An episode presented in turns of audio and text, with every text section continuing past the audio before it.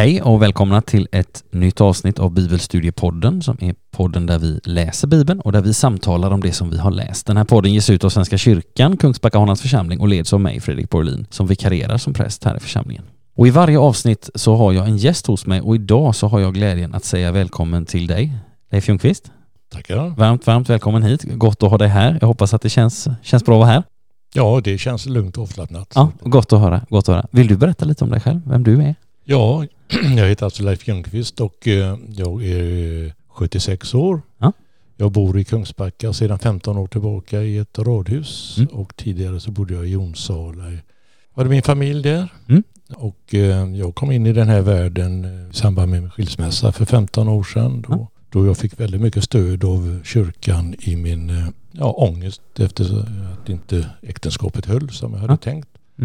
Mm. Utan jag var ensam under en period och hade Ja. väldigt mycket stöd av, eh, av prästen och kyrkoherden i, i eh, Åsa. Ja, just det, där du bodde en tid också. Mm. Ja. Och eh, det var det som fick mig att upptäcka värdet av kyrkan och, kyr, och kyrkans förmåga att hjälpa människor som Mm. mår dåligt. Gott att höra om och väldigt roligt att ha dig här. Vi har inte träffats innan kan vi säga, innan idag, men vi har eh, lite gemensamma bekanta kan man säga som har varit här i podden innan och som sa ja men Leif, han bjöd in honom och så gjorde jag det och så tackade du ja och så blev jag jätteglad för det. Så att, Ja. eh, väldigt gott att ha dig här Leif. Du ska känna dig varmt välkommen. Tack det. Ja, jag tänker det här är ju Bibelpodden, så att, eller Bibelstudiepodden, så jag tänker jag vill fråga dig också, har du något bibelställe som betyder extra mycket för dig? Ja, faktiskt. Eh, jag har läst eh, några gånger Kärlekens lov. Mm. Och eh, det är ju verkligen någonting som man själv har upplevt genom åren att Mm. eh, man kan ha, äga saker och man kan ha mycket omkring sig som betyder mycket men att inte få uppleva kärleken. Mm. Då är det mer eller mindre meningslöst. Ja. Och det är ju, tänker jag, en kärlekens lov kan vi säga till dig som lyssnar och som inte känner till detta. Första Korintierbrevet 13. Jag tänker att vi, vi skulle faktiskt kunna göra så att vi läser de verserna nu så får ni du som inte har hört dem tidigare kanske som lyssnar på detta får höra dem också. Så vi gör så att vi läser, jag läser här kärlekens lov ifrån första Korintierbrevet 13 där Paulus skriver så här. Om jag talar både människors och änglars språk men saknar kärlek är jag bara ekande brons, en skrällande symbol. Om jag har profetisk gåva och känner alla hemligheterna och har hela kunskapen och om jag har all tro så att jag kan flytta berg men saknar kärlek är jag ingenting. Och om jag delar ut allt jag äger och om jag låter bränna mig på bål men saknar kärlek har jag ingenting. Kärleken är tålmodig och god. Kärleken är inte stridslysten, inte skrytsam och inte uppblåst. Den är inte utmanande, inte självisk. Den berusar inte upp. Den vill ingen något ont. Den finner inte glädje i orätten men gläds med sanningen. Allt bär den, allt tror den, allt hoppas den, allt uthärdar den. Kärleken upphör aldrig. Den profetiska gåvan, den ska förgå. Tungotalet, det ska tystna. Kunskapen, den ska förgå. Ty vår kunskap är begränsad och den profetiska gåvan är begränsad, men när det fullkomliga kommer ska det begränsade förgå. När jag var barn talade jag som ett barn, förstod som ett barn och tänkte som ett barn, men sedan jag blev vuxen har jag lagt bort det barnsliga. Ännu ser vi en gåtfull spegelbild. Då ska vi se ansikte mot ansikte. Ännu är min kunskap begränsad, då ska den bli fullständig, som Guds kunskap om mig. Men nu består tro, hopp och kärlek, dessa tre, och störst av dem är kärleken. Ja, ett gott och välkänt ord som betyder mycket för många och vad gott att du tog med dig det här ordet Leif eh, hit idag och att vi fick höra det också. Det är en god påminnelse. Och både det här med, eh, man kan säga det finns, jag tänker två teman i det här, nu ska vi inte prata första Korintierbrevet idag utan Johannes evangeliet 21, men jag vet att den här versen som jag läste precis det här med att ännu ser vi en gåtfull spegelbild och då först senare ska vi förstå allting, se ansikte mot ansikte. Det har vi varit inne på innan, men också kärlek. Kärleken är heller inget som är på något sätt främmande för evangelisten Johannes. Så att, eh, både för att det är ett gott ord, men det är också ett ord som passar väl idag när vi ska avsluta och avrunda Johannes evangeliet. Gott, tack för att du delade det här ordet Leif. Mm, tack. Vi ska göra så kära vänner att vi ska gå in i läsningen nu och vi ska göra som vi brukar, bara samla oss kort i bön. Så att jag knäpper mina händer, du som lyssnar är varmt välkommen att göra det också. Låt oss be. Kära Herre, så ber vi dig att du öppnar ditt ord för våra hjärtan och våra hjärtan för ditt ord. Amen. Ja, kära vänner, idag ska vi så att säga gå inför landning eller vi ska gå i mål med vår vandring genom Johannes evangeliet. I dagens avsnitt blir det både läsning av och samtal kring ett bibelkapitel, alldeles som vanligt. Och idag är det alltså Johannes 21 som det handlar om. Men det blir också mot slutet av avsnittet idag en liten summering av hela den här Johannesvandringen. Och så blir det en liten, liten blick framåt också på vad som händer framöver i det här projektet, för det kommer en fortsättning. I förra avsnittet så var Walter och Edvin här och vi läste om påskdagens morgon, om Maria från Magdala och de två lärjungarna vid den tomma graven, om att den uppståndne visar sig för lärjungarna och sen särskilt för lärjungen Thomas som inte var med vid det första tillfället. Vi la märke till en del intressanta och kanske rent av lite märkliga detaljer. Till exempel att vi får veta vilken lärjunge som var snabbast och kom först till graven och så vidare. Och att duken som täckte Jesu huvud låg ihoprullad och vi funderade lite på det där. Och så slutade vi med ett bara två verser långt avsnitt i förra läsningen, i förra kapitlet avsnittet som vi har refererat till många gånger på den här Johannesvandringen eftersom de båda verserna och i synnerhet den andra av dem är att betrakta som liksom nyckelversen eller nyckelverserna för att så att säga låsa upp hela Johannesevangeliet. Vi läser de verserna också idag. De låter så här, Johannes skriver. Också många tecken som inte har tagits med i denna bok gjorde Jesus i sina lärjungars åsyn. Men dessa har upptecknats för att ni ska tro att Jesus är Messias, Guds son, och för att ni genom att tro ska ha liv i hans namn. Och så noterade vi att de där båda verserna, de sista i kapitel 20, åtminstone i Bibel 2000, har fått rubriken slutord eftersom de i vissas öron låter som just sådana ord som slutord.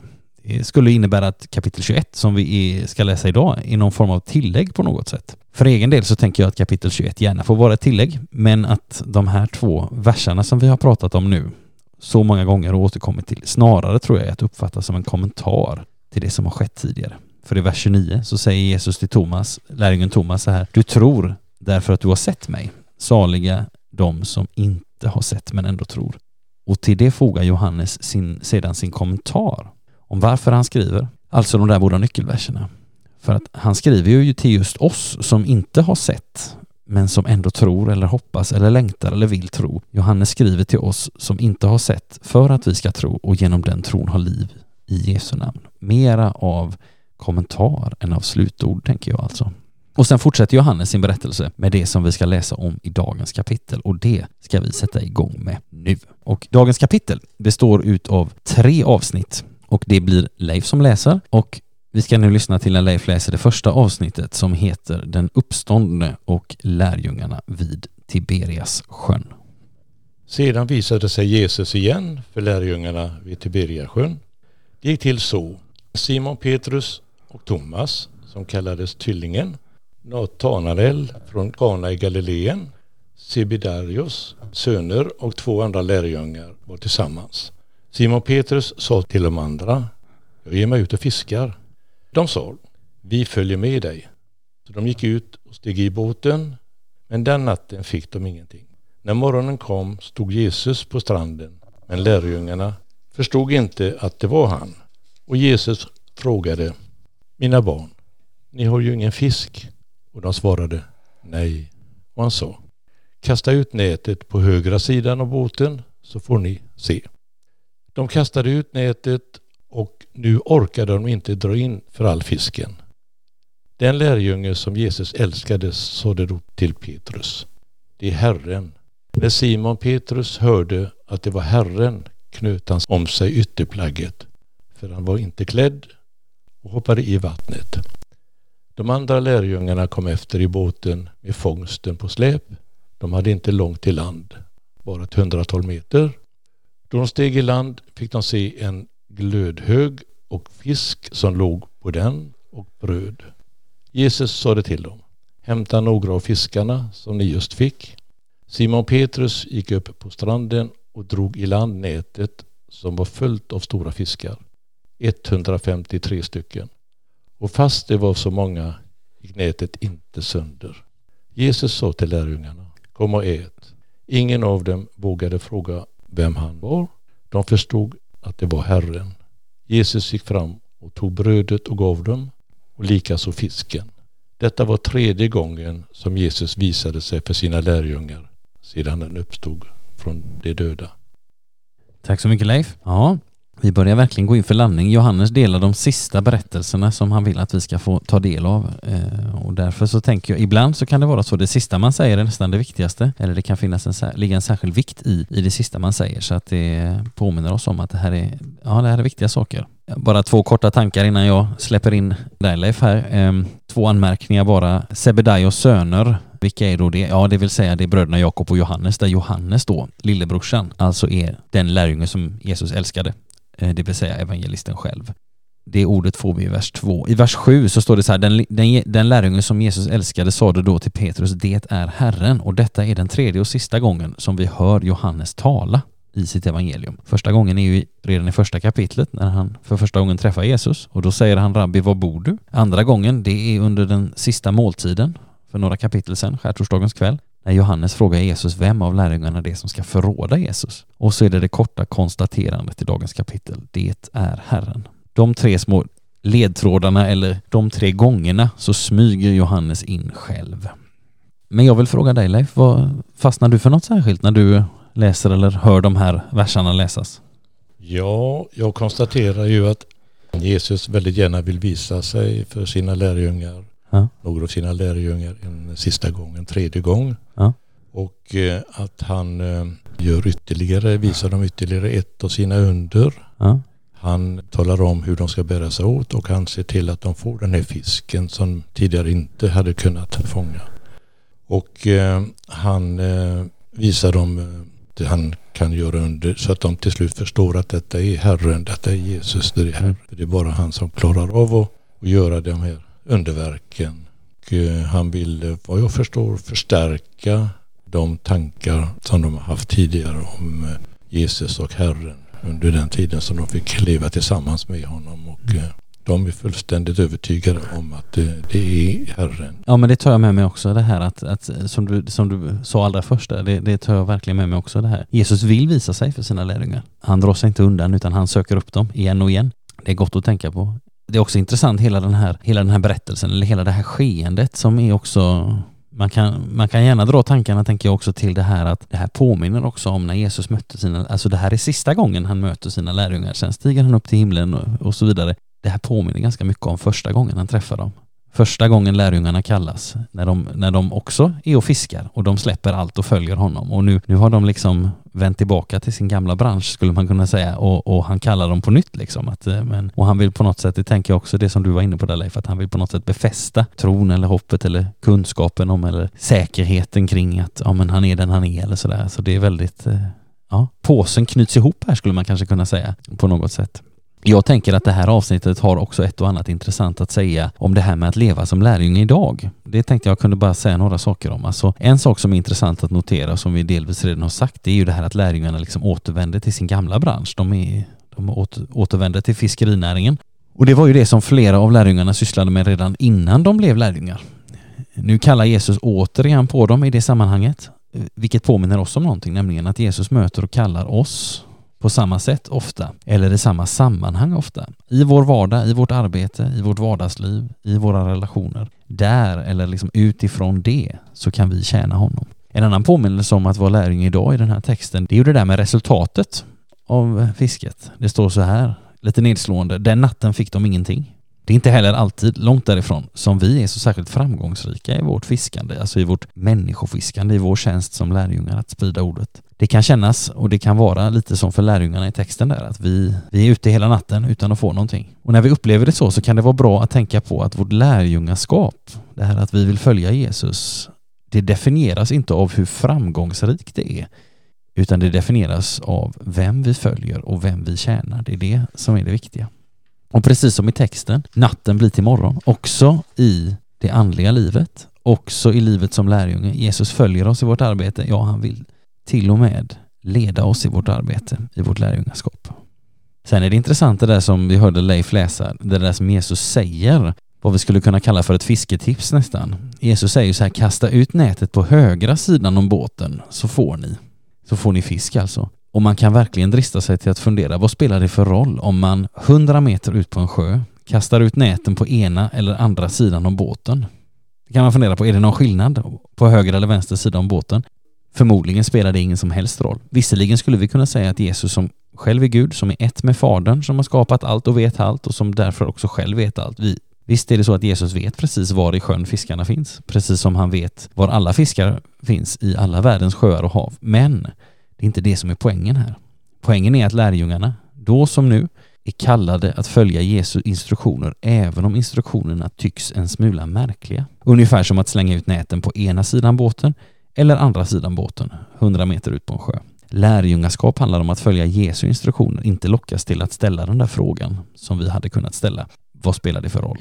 Två saker till bara jag tänker på de här 153 fiskarna i nätet. Det är lite intressant. Varför, varför 153 fiskar? Ja, det är lika många fiskar som antalet kända fiskarter vid den här tiden. Man kände till 153 sorters fisk och så många fiskar har fastnat i nätet och symboliken där är att alla sorters fisk ska med i nätet, det vill säga alla sorters människor, alla människor ska fångas in i himmelrikets nät.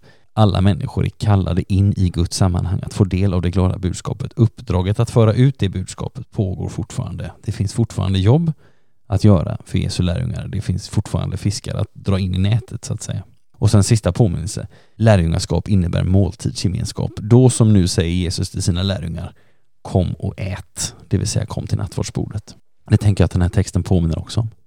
Så långt om Jesus vid Tiberiassjön. Vi ska gå vidare och vi ska läsa nästa avsnitt som heter, i min bibel i alla fall, heter Den uppståndne och Petrus. När de hade ätit sade Jesus till Simon Petrus. Simon, Johannes son, älskar du mig mer än de andra gör? Simon svarade, Ja, Herre, du vet att jag har dig kär. Jesus sade, för mina lamm på bete. Och han frågade honom för andra gången, Simon, Johannes son, älskar du mig? Och Simon svarade, Ja, Herre, du vet att jag har dig kär. Och Jesus sa, var en herde för mina får. Och han frågade honom för tredje gången, Simon, Johannes son, har du mig kär? Och Petrus blev bedrövad när Jesus för tredje gången frågade, har du mig kär? Och han svarade, Herre, du vet allt. Du vet att jag har dig kär. Jesus sade, för mina får på bete. Sannerligen, jag säger dig, när du var ung spände du själv bältet om dig och gick vart du ville. Men när du blir gammal ska du sträcka ut dina armar och någon annan ska spänna bältet om dig och föra dig dit du inte vill. Så angav han med vad för slags död Petrus skulle förhärliga Gud. Sedan sa han till honom, följ mig. Petrus vände sig om och fick se att den lärjunge som Jesus älskade följde efter. Han som under måltiden hade lutat sig bakåt mot Jesus bröst och frågat vem som skulle förråda honom. När Petrus såg honom frågade han Jesus, Herre, hur blir det med honom? Jesus svarade, om jag vill att han ska bli kvar tills jag kommer, vad rör det dig? Du ska följa mig. Därför spred sig ett rykte bland bröderna att den lärjungen inte skulle dö. Men Jesus hade inte sagt till Petrus att lärjungen inte skulle dö, utan om jag vill att han ska bli kvar tills jag kommer, vad rör det dig? Ja, tack så mycket Leif. Ja, ett gott och upprättande möte. Så skulle man på något sätt kunna sammanfatta det här avsnittet som är det egentligen det sista hos, hos Johannes. Vi får, vi får ett slutord sen också, men det här får man väl säga är den sista, liksom, det sista egentliga avsnittet. Där Jesus talar och som vi liksom lägger ut texten kring. Och det här avsnittet ska vi säga några saker om. Dels är det två saker som är lite två, korta, eller två små detaljer som vi behöver säga någonting om först och sen så ska vi lägga ut texten lite mer om, om avsnittet i stort. Vi, läst, vi hörde att Leif läste i vers 19 så här, så angav han med vad för slags död Petrus skulle förhärliga Gud. Alltså Petrus blev enligt traditionen korsfäst också i Rom under kejsar Neros regeringstid i mitten på 60-talet efter Kristus. Så här finns en hänvisning till det. Och sen så står det så här i vers 23 hörde vi Leif läsa. Därför spred sig ett rykte bland bröderna att den lärjungen inte skulle dö utan om jag vill att han ska bli kvar tills jag kommer, vad rör det dig? Alltså så vitt vi vet så levde ju Johannes längre än någon av de andra lärjungarna till senare hälften av 90-talet efter Kristus kanske rent av. Och när han mot slutet av sitt liv då skriver sitt evangelium, Johannes evangeliet som vi har nästan kommit till slutet nu, två verser kvar att läsa bara, så kan han ha sett behovet av att så att säga motsäga det här ryktet. För att det är ju faktiskt någonting annat de pratar om i texten. Men vad är det då vi kan säga om den här texten i stort? Ja, dels att det hänger ihop Dels hänger den här texten ihop med någonting som hände på natten till eller tidigt på morgonen på långfredagen. Medan Jesus förhörs, när han står där inför Stora rådet och Pilatus, så står ju Petrus utanför på gården. Och tre gånger så får han frågan då, visst hör väl också du till den där Jesus lärjungar? Och samtliga tre gånger som Petrus får den där frågan på natten eller på morgonen så nekar han, det vill säga han förnekar. Men nu händer någonting, för i den här texten så får Petrus också tre gånger ungefär samma fråga, men den här gången av, av Jesus. För, Petrus fråga, eller för Jesus frågar ju Simon Johannes son, älskar du mig mer än vad de andra gör? Det är första frågan. Andra frågan är Simon Johannes son, älskar du mig? Och tredje frågan är Simon Johannes son, har du mig kär? Och samtliga tre gånger svarar Petrus, om än på lite olika sätt, att ja, det gör han. Det finns ett samband mellan att Petrus har förnekat Jesus tre gånger och att Jesus nu tre gånger frågar om han har, om Petrus har honom kär och han får ett ja varje gång. Det här tillfället är ju inte det första där Jesus och Petrus träffas efter uppståndelsen. I förra kapitlet så kan vi läsa om två tillfällen och i vers 14 i det här kapitlet så skriver ju Johannes uttryckligen att detta var tredje gången som Jesus visade sig för sina lärjungar sedan han uppstått från de döda. Så det är inte första gången som Petrus och Jesus möts sedan den där natten eller morgonen när Petrus förnekade. Men det som Petrus gjorde den där natten eller morgonen, att han förnekade Jesus, det krävde ett särskilt möte, ett särskilt samtal med Jesus för att Petrus skulle kunna ta emot den upprättelse som Jesus hade liksom i förvar åt honom. Och detta med Petrus upprättelse visar sig, tänker jag, som starkast i Petrus sista ja-svar, när han säger så här, Herre, du vet allt. Du vet att jag har dig kär. För Jesus, han vet allt. Han känner till Petrus förnekelse. Den har han försonat på korset. Petrus får ta emot upprättelse, han får ta emot förnyat förtroende. Petrus kan säga både Herre, du vet allt, vilket är precis vad Jesus gör, men Petrus kan också säga Du vet att jag har dig kär. Och kärleken är besvarad, för sån är Jesus. Och sen kallar han Petrus på nytt med samma ord som Jesus har sagt till lärjungarna första gången de träffades och som vi kan läsa om i kapitel 1 hos Johannes, där Jesus säger det han nu säger idag också. Följ mig. Och så blir det en liten förveckling om vad som ska hända med lärjungen Johannes och sådär. Och så säger Jesus till Petrus igen i vers 22, du ska följa mig. Följ mig, följ mig, följ mig. Det är det som Petrus och det är det som du och det är det som jag och det är det som alla människor åter och åter inbjuds till. Alltså Carl Magnus Adrian som gästade oss i introduktionsavsnittet till Johannes evangeliet talade om just det här då. Följ mig. Vilka frågor eller känslor eller stämningar eller vilka förutsättningar du än kommer med och vi än har eller vad vi än bär på så är Jesus svar välkommen. Följ mig. Och det får Petrus uppleva här, också han. Så det är det sista mötet som vi läser om, det sista som vi läser om att Jesus gör i Johannes evangeliet. det är ett upprättande möte. Och det är någonting som, som Jesus vill ha med oss också. Men så har vi två verser kvar. Det som i min översättning heter avslutning. Så att vi ska låta Leif läsa de två verserna också, de två sista i Johannesevangeliet och sen så följer en liten, inte så mycket kanske om just de två verserna, men en liten sammanfattning av hela Johannes. Så att varsågod och läs Leif. Det är den lärjungen som vittnar om allt detta och han har skrivit ner det och vi vet att hans vittnesbörd är sant. Jesus gjorde också mycket annat och om var sak skulle skildras för sig tror jag inte att hela världen skulle rymma det är böcker som då måste skrivas. Stort tack Leif. Ja, om de här två korta slutorden så ska vi inte säga speciellt mycket. Men det påminner oss om någonting, nämligen att nu är det dags att summera, att sammanfatta Johannes evangeliet och det ska vi försöka göra mycket kortfattat. Men bara något, något kort om hur kan vi sammanfatta Johannes? Ja, slutordet, det här med alla världens böcker som vi hörde Leif läsa, hjälper oss att se och förstå att Johannes har gjort ett urval men att det finns mycket mer att berätta om. Det är en sak. Den, den andra saken som vi ska påminna oss om, lite sammanfattningsvis, det är de här sju sjutalen i Johannes evangeliet som vi har stannat till vid och tagit upp både en och två och många gånger. De hjälper oss att se några av de här röda trådarna i Johannesevangeliet, men bortom dem finns fortfarande mycket kvar att upptäcka. De, vi kan bara nämna de sju sjutalen, sen kommer du aldrig behöva höra dem mer. Det är Jesu sju resor till Judeen, det är Jesu sju tecken, Jesu sju jag är, Jesu sju likheter med Fadern, det är de sju som vittnar om Sonens gudomlighet, det är de sju gångerna som Jesus stund nämns och det är det sista av de sju sjutalen är Jesu sju tal, skulle man lite ordvitsigt kunna säga. Sen kan vi också dra oss till minnes att vi har talat om Johannes evangeliet som ett andligt evangelium, som andens evangelium och som kärlekens evangelium. Det finns inga, hos Johannes inga, inte direkt några liknelser på riktigt samma sätt som i de andra tre evangelierna. Men det finns mycket tal och undervisning av Jesus där han talar i bilder och där han liksom talar på ett sätt som liknar liknelser så att säga. Men de här mer välkända liknelserna om till exempel skatten eller pärlan eller sädesåkern eller vad det nu kan vara, de tio jungfrurna, de hittar vi inte hos Johannes. Men det finns mycket tal, det finns mycket undervisning, inte minst om den helige ande och sånt som hjälper oss att förstå lite mer av treenigheten. Inte sällan så är talen och undervisningen meditativ till sin karaktär. Och så har vi nyckelversen, det är en sak till vi ska påminna oss om eh, och sammanfatta med. Nyckelversen en sista gång, Johannes kapitel 20, verserna 30 och 31. Det står så här, också många tecken som inte har tagits med i denna bok gjorde Jesus i sina lärjungars årsyn, men dessa har upptecknats för att ni ska tro att Jesus är Messias, Guds son, och för att ni genom att tro ska ha liv i hans namn. Johannes skriver för att vi ska tro, för att vi ska förstå att Jesus säger det han säger. Välkommen, följ mig. Johannes skriver för att vi ska förstå detta, tro på detta och genom det ha liv i Jesu namn.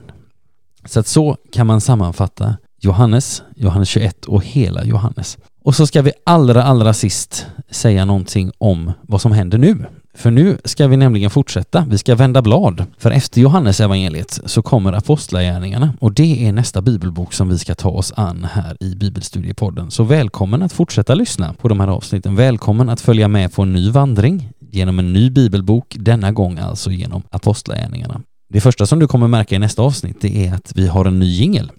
Det är en ny musikerkollega som har bidragit, nämligen Majvor. Det är det ena och det andra är att vi precis som när vi började med Johannes så ska vi nu när vi går in i apostlagärningarna börja med ett introduktionsavsnitt med en gäst lite grann utifrån som eh, kommer att inspirera oss. Och sen fortsätter vi att läsa och samtala om Bibeln tillsammans med människor härifrån Kungsbacka.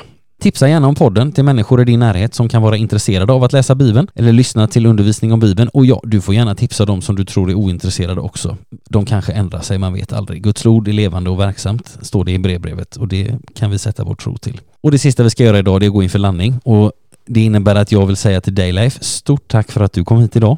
Tack. Väldigt gott att ha dig här Leif få läsa Bibeln tillsammans och få eh, samtala och fundera tillsammans. Och till dig som har lyssnat så önskar både jag och Leif dig allt gott. Vi hoppas att du har fått med dig någonting av det här avsnittet. Och tills vi hörs nästa gång, vilket jag hoppas att vi gör, så önskar vi dig som har lyssnat allt gott och Guds rika välsignelse. Hej då!